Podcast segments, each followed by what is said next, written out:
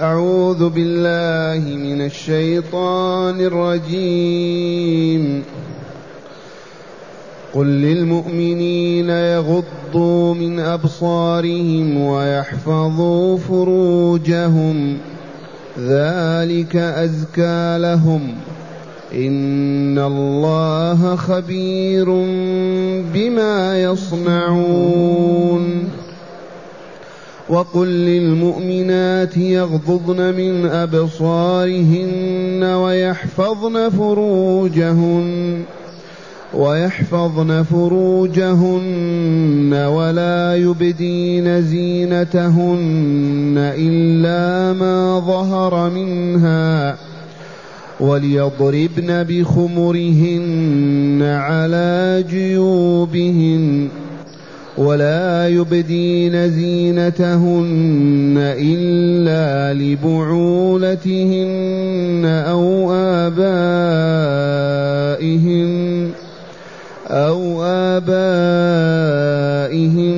أو آباء بعولتهن أو أبنائهن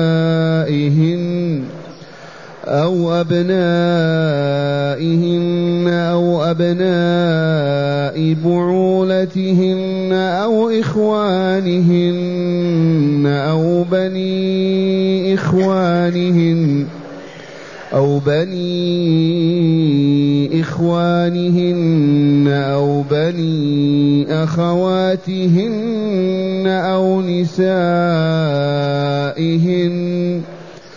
أو نسائهن أو ما ملكت أيمانهن أو التابعين غير أولي الإربة أو التابعين غير أولي الإربة من الرجال أو الطفل الذين لم يظهروا على عورات النساء ولا يضربن بأرجلهن ليعلم ما يخفين من زينتهن وتوبوا إلى الله جميعا أيها المؤمنون لعلكم تفلحون معاشر المستمعين والمستمعات من المؤمنين والمؤمنات. بين يدي درس هذه الآيات التي تدارسناها بالأمس. نقول كلمة عما يقال عنه الرجبية. شاع بين عوام المسلمين كلمة الرجبية. ويكفي أن كثيرين من الزائرين جاءوا من أجلها. فما هي الرجبية هذه؟ الرجبية يعنون أن ليلة سبع وعشرين عرج بالنبي صلى الله عليه وسلم من مكة إلى بيت المقدس ثم إلى الملكوت الأعلى. هل عندكم دليل صحيح أن الرسول صلى الله عليه وسلم كان إسراه ومعراجه ليل سبع وعشرين؟ والله لا دليل.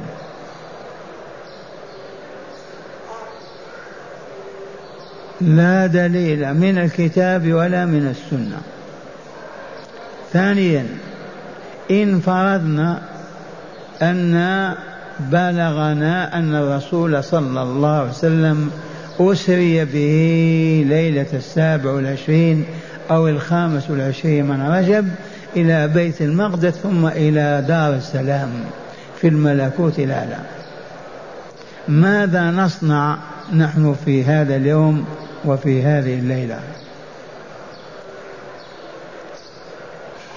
نبتدع عبادة من أنفسنا لا لا والله. لأن العبادة يا معشر الأبناء والإخوان هي ما تعبدنا الله به فلهذا سميت عبادة.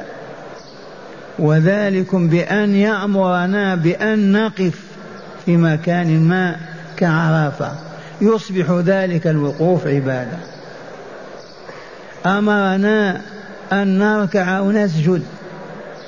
فنركع ونسجد حيث أمرنا كانت تلك عبادة. أمرنا أن نسبحه سبحان الله سبحان الله وبحمده. كان ذلك التسبيح عبادة. أمرنا أن نصوم أي نمسك عن الطعام والشراب والمفطرات من طلوع الفجر إلى غروب الشمس فنمسك ذلك الإمساك والله عبادة. تعبدنا الله به. هذه العبادة ما الحكمة فيها؟ ما سرها؟ والجواب كما تعلمون أنها تزكي النفس الإنسانية وتطهرها.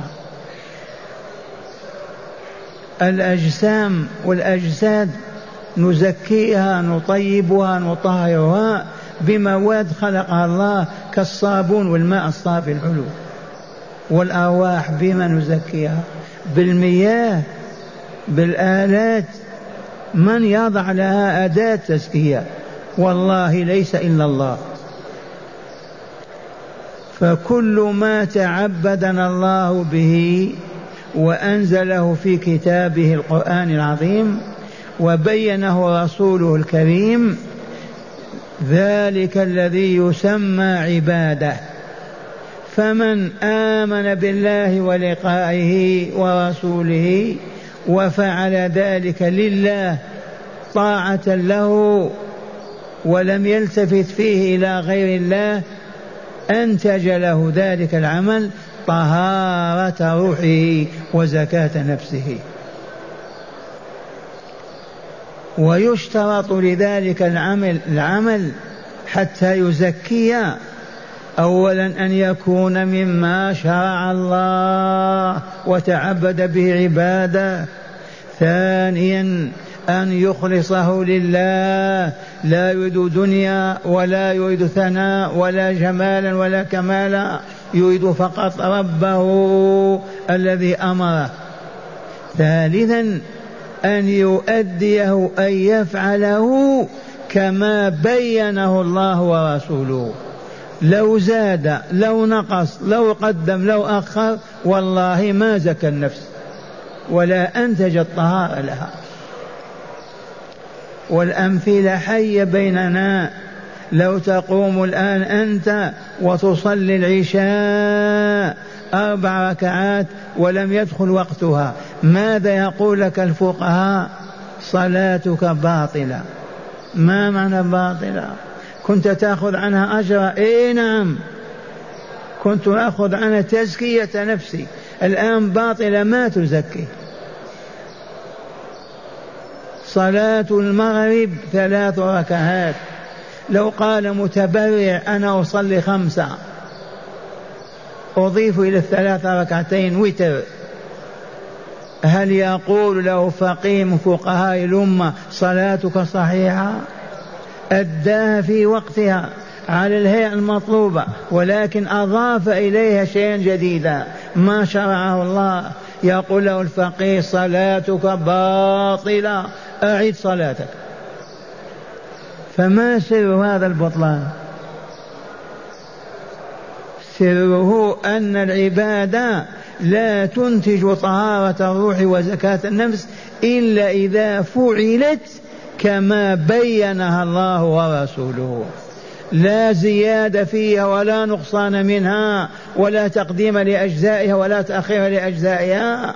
وإن كان لها ظرف معين لا تؤدى إلا فيه لا تؤدى إلا فيه. ومن هنا أسألكم بالله فالذي يبتدع بدعة هل يملك أن تزكي النفس؟ ومن هنا نقول ليلة الرجبية ماذا شرع الله لنا فيها؟ لا في القرآن ولا في السنة بينوا لنا. صلاة كما ركعة. في أي وقت نصليها؟ صيام هل أمرنا بالصيام؟ والجواب ما وجد شيء في الكتاب والسنة لهذه الرجبية. فمن هنا وجب على المؤمنين أن يتناصحوا ويتعاونوا على البر والتقوى. فما كان بدعة يجب أن نقول بدعة ونتخلى عنه ونبتعد. وما كان سنة وعبادة نحض ونحث عليه ونفعله ونقتدي بالعاملين به لأنه يزكي أنفسنا ويطيب أرواحنا. هذه العبادات كلها ثمرتها نتيجتها أن تزكو نفسنا فتصبح أهلا للملكوت الأعلى. نحن لسنا خالدين في هذه الدار القذرة. راحلون منها إلى أين؟ إما فوق وإما أسفل. والله لا ثالث لهما. إما في الدركات السفلى في جهنم وإما في عليين في دار السلام. وهذا قسم الله العظيم. قد أفلح من زكاها وقد خاب من دساها. من يرد على الله؟ أفلح فاز بالنجاة من النار وبدخول الجنة. من زكى نفسه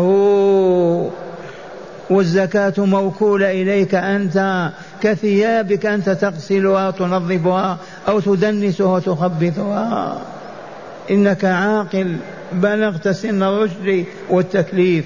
أنت المسؤول عن تزكية نفسك وتطهيرها. والحمد لله أعطانا الله عز وجل ما نزكي به أنفسنا. ونطهرها وهو هذه العبادات من كلمة لا إله إلا الله إلى إماطة الأذى من طريق المؤمنين. كل ما شرعه الله ورسوله من العبادات القولية الفعلية القلبية تلك كلها مزكيات للنفس البشرية. على شرط الإخلاص فيها لله وأن تؤدى وتفعل كما فعلها رسول الله صلى الله عليه وسلم. والرسول صلى وقال صلوا كما رأيتموني أصلي. حج وقال حجوا كما رأيتموني حج. وهكذا عشر سنوات وهو يعبد الله بين أصحابه وهم يتابعونه ويعملون بعمله. ثم تناقل أولادهم وأولاد أولادهم ودون ذلك في الكتب وهو إلى اليوم. السنة سنة والبدع بدعة. لا تلوموننا ماذا نفعل؟ في الرجبية نسألكم بالله نرقص نذبح ذبائح طعام خاص لباس خاص صلاة خاصة دعاء خاص. والله لا وجود لهذا. فما هي إلا بدعة كسائر البدع. ومع الأسف أكثر من يتشبث بهذا الجهال الجهال. نكتفي بهذا القدر. عرفتم أن لا رجبية؟ الحمد لله. والآن مع هذه مع الآيتين الكريمتين العظيمتين قلت احفظوها وعلموها نساءكم وبناتكم. علموهن الصورة هذه سورة النور. ينبغي أن تحفظها كل امرأة من نساء المؤمنين. فضلا عن الرجال يقول تعالى لرسوله صلى الله عليه وسلم قل للمؤمنين يغضوا من أبصارهم ويحفظوا فروجهم ذلك أزكى لهم. إن الله خبير بما يصنعون. هذه الآية الأولى. يا رسولنا المبلغ عنا قل للمؤمنين لأنهم أحياء يسمعون ويعون يأخذون ويعطون لحياتهم أما غير المؤمنين يكلفون تكلف ميت أنت؟ تقول له قوم صلي. الكافر ميت. فلا يؤمر بصلاة ولا صيام ولا رباط ولا جهاد ولا مال ولا ولا ولا يرجى منه خير ولا صدق ولا طهر ولا وفاء لأنه كالميت والله. فإذا نفخت فيه روح الإيمان وقال أشهد أن لا إله إلا الله وأشهد أن محمد رسول الله حيا حينئذ كلفه مره انهاه أطلب منه مستعد لأن يفعل. والواقع شاهد لما حضرتم هنا لما أنتم تستمعون ماذا تريد لحياتكم لأنكم أحياء. فلهذا قل للمؤمنين يقول لهم ماذا غضوا من أبصاركم. لا تفتحوا أعينكم في النظر إلى نساء المؤمنين والمؤمنات. غض بصرك. مرت بين يديك امرأة ظهرت على نافذة على سطح غض بصرك. ولا تفتح عينيك ولا تنظر. والنظرة الأولى مسموح بها لا يؤاخذ بها. يغضوا من أبصارهم ويحفظوا فروجهم. يحفظونها من شيئين ألا تعروا ولا ترى. لا يحل لمؤمن ولا مؤمن أن يكشف عورته ليراها الرجل أو المرأة أو الطفل أو الولد. حفظها من النظر إليها. ثانيا حفظها من فاحشة الزنا واللواط والعياذ بالله تعالى. قل لهم ويحفظ فروجهم. ذلك الحفظ. ذلك الحفظ وذلك الغض للبصر أزكى لهم أي أكثر تزكية لنفوسهم. فالذين ينظرون يمين شمال النساء غادية رائحات والله لتخبثن نفوسهم. والله لتخبثن نفوسهم. إذا ما عملوا على تزكيتها وتطيبها خبثت والعياذ بالله. والنفس الخبيثة هيهات هيهات أن تفتح لها أبواب السماء. قد أفلح من زكاها وقد خاب من دساها. وقوله إن الله خبير بما يصنعون قل لهم إن الله خبير بما تصنعونه في حياتكم مطلع عليكم عليم بسركم وجهركم بكل ما فيكم. فارهبوا خافوا عظموا استحوا منه. لا تفتحوا أعينكم ظلما ولا ولا ترتكبوا محرما. فإن الله عليم بما نصنع. هذه الآية الأولى واضحة المعنى ظاهرته ولا شك أنكم حفظتموها. قل للمؤمنين يغضوا من أبصارهم ويحفظوا فروجهم ذلك أزكى لهم. إن الله خبير بما يصنعون. الآية الثالثة الثانية واحتوت على نيف وثلاثين من من المحارم الذين لا ينظر إليهم.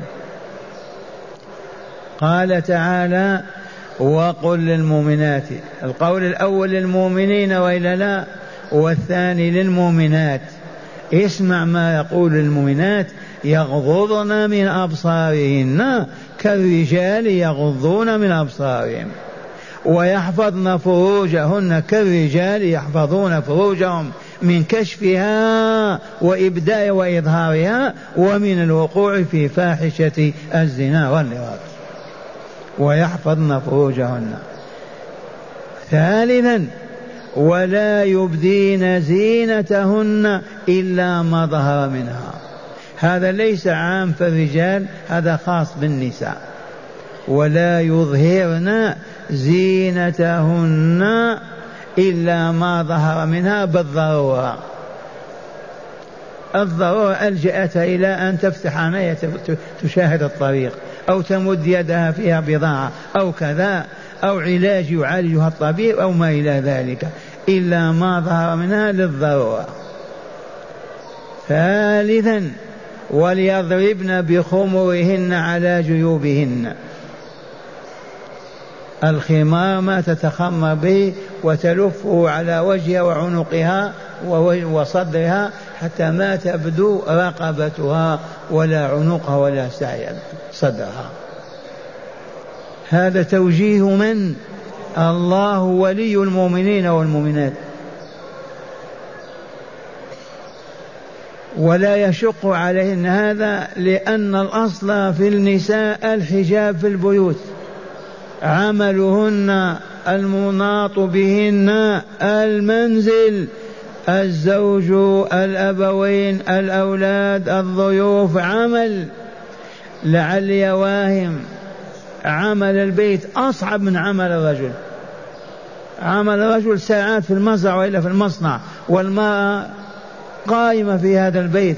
تطهر وتنظف وتحميه تطهره تطبخ الطعام تنسج النسيج تربي الأولاد ترضي الزوج.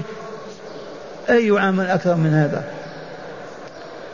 فلهذا إخراجها من عمل البيت إلى عمل الشارع والسوق والله لمنكر والله لظلم والله لخروج عن السنة والفطرة البشرية. وليضربن بخمرهن على جيوبهن. رابعا خامسا ولا يبدين زينتهن. لا تبدي وجهها ومحاسنها. وما في ذراعيها من زينة وشعر راسها ولا يبدين زينتهن إلا لبعولتهن أولا. والبعولة هنا الزو... الأزواج. إلا لأزواجهن. فالمرأة تكشف عن ماذا؟ عن عورتها؟ لا. عن محاسنها في وجهها في عنقها في يديها لزوجها. لها أن تكشف وتبدي وتظهر إلا لبعولتهن أو آبائهن. فأبو المرأة تكشف بنته لوجهها بين يديه لعنقها حتى لشعر رأسها. ولا حرج ابنها أبوها. أليس الأب ينظر إلى ابنته؟ نعم. ومع هذا من الآداب ألا تفتح عينيك وتنظر في ابنتك وتطلع راسك وتهبط. من الأدب. نظرة الأدب. نعم. أو آبائهن أو آباء بعولتهن. أبو البعل أبو الزوج. يكشف على بنت على امرأة ابنه. أليس كذلك؟ أبوه جده يكشف على مرة ابنة ابنه لأنهم أرحاء ولا يبدين زينتهن إلا لبعولتهن أو آبائهن. أو آباء بعولتهن الجد أو أبنائهن أبناء المرأة أولادها أو أبناء بعولة أولاد زوجها. من غيرها هي أولاد زوجها. تكشف لهم عن محاسنها. أو ما ملكت أيمانهن. أو إخوانهن. المرأة تكشف وجهها لأخيها كما تكشفه لابن أخيها. أو بني أو بني إخوانهن أو بني أخواتهن كذلك. أختها عندها أولاد كبار هذه خالتهم ينظرون إليها ولا حرج. ثم قال تعالى أو نسائهن أي المرأة تكشف وجه محاسنها للمرأة المسلمة. ولا حرج. لغير المسلمة ما تكشف تتحفظ. لأنها تنقل ما تراه فيها إلى زوجها أو إلى ابنها. رأيت كذا وكذا من الجمال أو الكمال. فلهذا المسلمة تتحفظ من أن تكشف محاسنها ليهودية أو نصرانية. إلا في حالة الضرورة. أو نساء أو ما ملكت أيمانهن. معنى قوله أو نسائهن. يخرج غير النساء المؤمنات وإلا لا؟ أو نسائهن. معناها نساء غير المؤمنات ما ينظرن إليهن. اليهوديات والمجوسيات والنصرانيات. أو ما ملكت أيمانهن إذا كانت المرأة تملك عبدا بيمينها ورثته اشترته ليخدمها لا بس أن تكشف وجه أمامه والأحسن تتحفظ في شعرها وغيرها. للرخصة للضرورة يشتغل معها طول النهار والليل. أو ما ملكت أيمانهن أو التابعين لأهل البيت. معتوه معانا في البيت ما يعرف شيء. مجنون ما يعرف شيء. كبير السن هارم خايف فوق تسعين ومئة مئة وعشرين. هذا مأمون هذا. فلا بأس أن يكون في البيت ويكشف على النساء. أطفال صغار ما عرفوا النساء ولا الجماع ولا النكاح ولا الزواج. والبارحة قلت لكم أولادكم الآن أصبحوا كالرجال. عرفنا قبل خمسين ستين سنة الرجل الشاب يعني ما يعرف النكاح أبدا ولا يدري ما هو. وهو في الثامن عشر في التاسع عشر. الآن لما كشفنا لهم كل شيء وظهر أمام كل شيء في التلفاز والفيديو والمجلة و أصبح الطفل في العاشرة الثانية عشرة يفرق بين الجميلة والقبيحة هيا نعود بأولادنا إلى ما كانوا عليه. الطريق يا أهل الفيديو والتلفاز في بيوتكم اجعلوا لهم ساعة ائتوا بهم يصلون العشاء في المسجد في مساجدكم في دياركم ما هو المسجد النبوي. لما تصلون العشاء مع أزواجكم وأولادكم تعودون إلى بيوتكم تتناولون شيئا من الطعام إن عادتكم ذلك ثم يلتفون حولك أولادك الزوجة تدرسون آية من كتاب الله أو حديثا من أحاديث رسول الله. تحفظ الآية أو يحفظ الحديث ويبين المعنى ثم لما يشتبع يشبعون بذاك النور يذهبون إلى فروشهم ليناموا. وأنت الذي تطفئ النور عليهم وتراهم ناموا في بيوتهم. هذه فريضتك يا أبا الأولاد. هذا هو الطريق. هل فيه صعوبة هذا؟ يأتي معك يصلي المغرب والعشاء ما هو وقت عمل هذا؟ صلينا العشاء عدنا إلى أين؟ إلى بيوتنا. تناولتم الطعام إن كان ثم جلسة خفيفة بسيطة.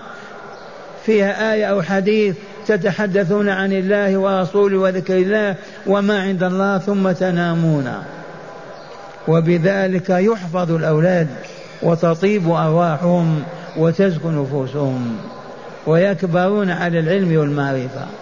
أما أنهم لا يأتون بهم إلى المسجد يأتي الرجل يصلي العشاء وأولاده في الشوارع أعظم من هذا نشاهده. نصلي العشاء ونعود وأولاد الرجال في الشوارع يصيحون ويصرخون الساعتين وثلاثة ويضحكون كأنهم مجانين. أهكذا النظام. هذا شأن المؤمنين والمسلمين. فقوله تعالى أو الطفل الذين لم يظهروا على عورات النساء. وكان متخنث يقال هيت في بيت الرسول صلى الله عليه وسلم. فإذا به يسمع يتحدث عن النساء فأبعده إلى إلى آباء علي إلى ذي الحليفة أجلاه. كان يظن أنه بهلول متخنث ما يعرف النساء ولا شيء. فإذا به يتكلم بالنساء. قال اخرجوه فذهبوا به لا فوق باب علي إلى الحليفة. لم يظهر على عورات النساء. أما من يظهر على عورات ويعرف النكاح والزواج كذا. فلا لا لا لا. لا بد من أن نحجب نساءنا وبناتنا عنه. ولا يضربن بأرجلهن ليعلم ما يخفين من زينتهن هذه لطيفة. أيام كانت المرأة تلبس الخلخال والخلخالين فإذا كانت تتعنتر لما تمر برجال تضرب الأرض ينتظرون. فحرم الله تعالى هذا. الآن الكعب الطويل. الكعب الطويل حتى تعنت وتسمع صوتها وهي تمشي. لا يجوز لا يجوز لا يجوز هذا الكعب. منافي منافاة كاملة للعفة والطهر والصفاء. الله يقول ولا يضربن حرام عليهن أن يضربن الأرض بأرجلهن ليعلم ما يخفين من زينتهن. المرضى والمنافقون يشاهدون ذلك ينظرون ويتابعون. وتوبوا إلى الله جميعا. قولوا تبنا إليك يا ربنا. لعلكم تفل أيها المؤمنون لعلكم تفلحون. اللهم اجعلنا من المفلحين الفائزين. هداية الآيات. بسم الله والحمد لله. من هداية هذه الآيات أولا وجوب غض البصر وحفظ الفرج. أولا وجوب غض البصر وحفظ الفرج. هذا معلوم بالضرورة وإلا لا؟ يا عبد الله لا تنظر إلى أجنبية لا تحل لك طرطراتك غمض عينيك إذا انتظرت ابتعد عن أسواقهن وعن منازلهن. يجب أن نغض أبصارنا طاعة لربنا. حفظ الفرج من شيئين من كشفه لا في الحمام ولا في المستحم ولا في البحر ولا ولا لا بد من ستر العورة حفظ الفرج. ثانيا منعه من الزنا واللواط والعياذ بالله تعالى وهي أكبر فاحشة وجريمة. قال الشيخ في النهر ورد في الأمر بغض البصر في السنة قوله صلى الله عليه وسلم إياكم والجلوس في الطرقات فقالوا يا رسول الله ما لنا من مجالسنا بد نتحدث فيها. فقال فإذا أبيتم إلا المجلس فأعطوا الطريق حقه. قالوا وما حق الطريق يا رسول الله؟ قال غض البصر وكف الأذى ورد السلام والأمر بالمعروف والنهي عن المنكر. فقال لعلي رضي الله عنه لا تتبع النظرة النظرة فإنما لك الأولى وليست لك الثانية. أصحاب الرسول صلى الله عليه وسلم ما, ما كانت عندهم ما عندنا نحن من القصور والفلل والأسواق. أين يجلسون؟ في الظل على بيوتهم. البيت من طابق واحد. يفرشون كذا حصيرة ويجلسون في الشوارع. هذه أماكنهم. ما في أندية ولا. فالرسول حذرهم من ذلك وقال إياكم والجلوس في الطرقات. هو وجده مفعولا لأنهم في الجاهلية ورثوه وتوارثوه فقال إياكم أي احذروا الجلوس في الطرقات الشوارع. اعتذروا وقالوا ما لنا منها من بد يا رسول الله لا بد منها. فإن نجتمع كيف نعرف بعضنا بعضا؟ كيف نتعاون؟ لا بد لنا منها. قال إذا كان ولا بد وكنتم مضطرين إلى الجلوس فأعطوا الطريق حقه. وهل الطريق من حق؟ إيه خمسة حقوق. أديها وإلا ما يجوز أن تجلس فيه. سبحان الله. خمس حقوق. أولا غض البصر. إذا مرت فتاة أمام لا تفتح عينيك. غض البصر شاهدتها على النافذة أو على الباب غض البصر هذا أول حق للطريق غض البصر. ثانيا كف الأذى. لا توذوا مارا. لا بنظرة شزراء ولا بشتمة ولا بحصى في الطريق ولا ولا أي أذى. ولا بالاستهزاء به ولا بالسخرية منه ولا بتضليله. الطريق من هنا بيت فلان هنا. يجب أن لا توذوا مؤمنا ولا مؤمنة. كف الأذى. أيها الجالسون في الشارع. ثالثا رد السلام. إذا سلم عليكم مار يجب أن تقولوا وعليكم السلام ورحمة الله وبركاته. رد السلام. فإن أنتم أبيتم أن تردوا السلام أخذتم حق الطريق ونكثتم العهد وما أنتم بالمؤمنين. لا بد وأن تردوا السلام على من سلم عليكم وهو حق للطريق. رابعا الأمر بالمعروف. أنتم جالسون في الشارع. وجدتم من ترك معروفا لم يفعله مروه. يا عبد الله افعل كذا. نهي عن منكر وجدتم من ارتكب منكرا من عليه منكر ظهر فيه يا عبد الله لا تفعل هذا اتق الله. فيصبحون آمرين بالمعروف ناهين عن المنكر. هذا هو الهدي النبوي الشريف. أعطوا الطريق حقه. ما حق الطريق؟ قال غض البصر كف الأذى رد السلام الأمر بالمعروف والنهي عن المنكر. هذا نظام حياة المؤمنين. ثانيا من هداية هذه الآيات وجوب ستر المرأة زينتها ومواضع ذلك ما عدا ما يتعذر ستره للضرورة. ارفع صوتك. قال وجوب ستر المرأة زينتها. وجوب ستر المرأة زينتها. ومواضع ذلك ومواضع الزينة. مواضع الزينة العينان الأذنان العنق الفم. ذي مواضع الزينة. شعر الرأس الذراعين. هذا هو موضع الزينة. مواضع الزينة حيث تعمل الزينة فيها. نعم. قال ما عدا ما يتعذر ستره للضرورة. ما عدا ما يتعذر ستره للضرورة. فلا حرج. لا يكلف الله نفسا إلا وسعها. فاتقوا الله ما استطعتم. نعم. ثالثا بيان المحارم الذين للمرأة المؤمنة أن تبدي زينتها عندهم بلا حرج.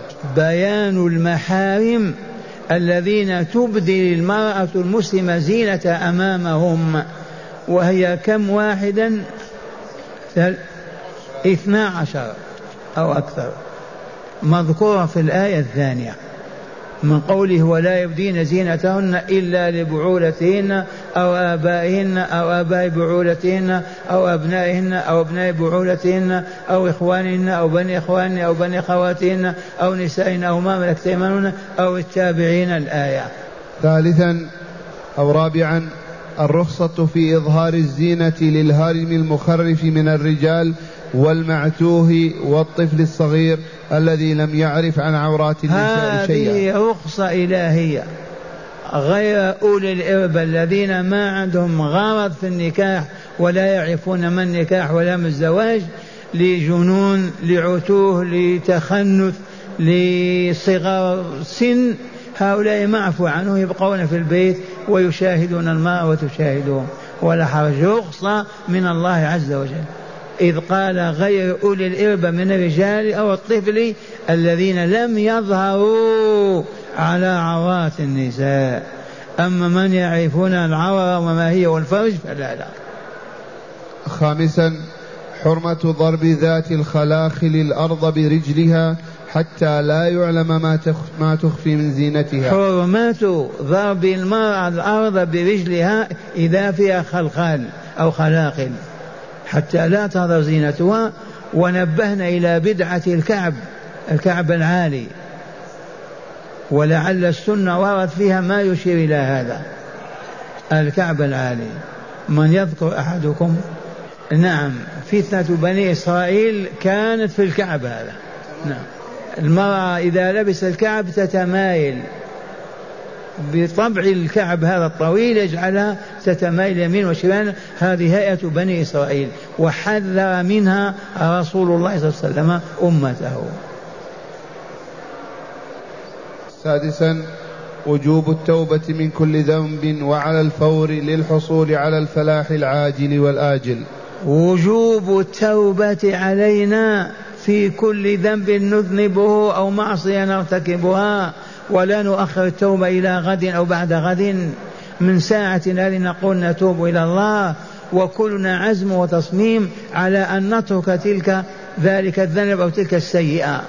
هذا أمر الله وتوبوا إلى الله. نقول ما نتوب أعوذ بالله. نقول نتوب إليك يا ربنا.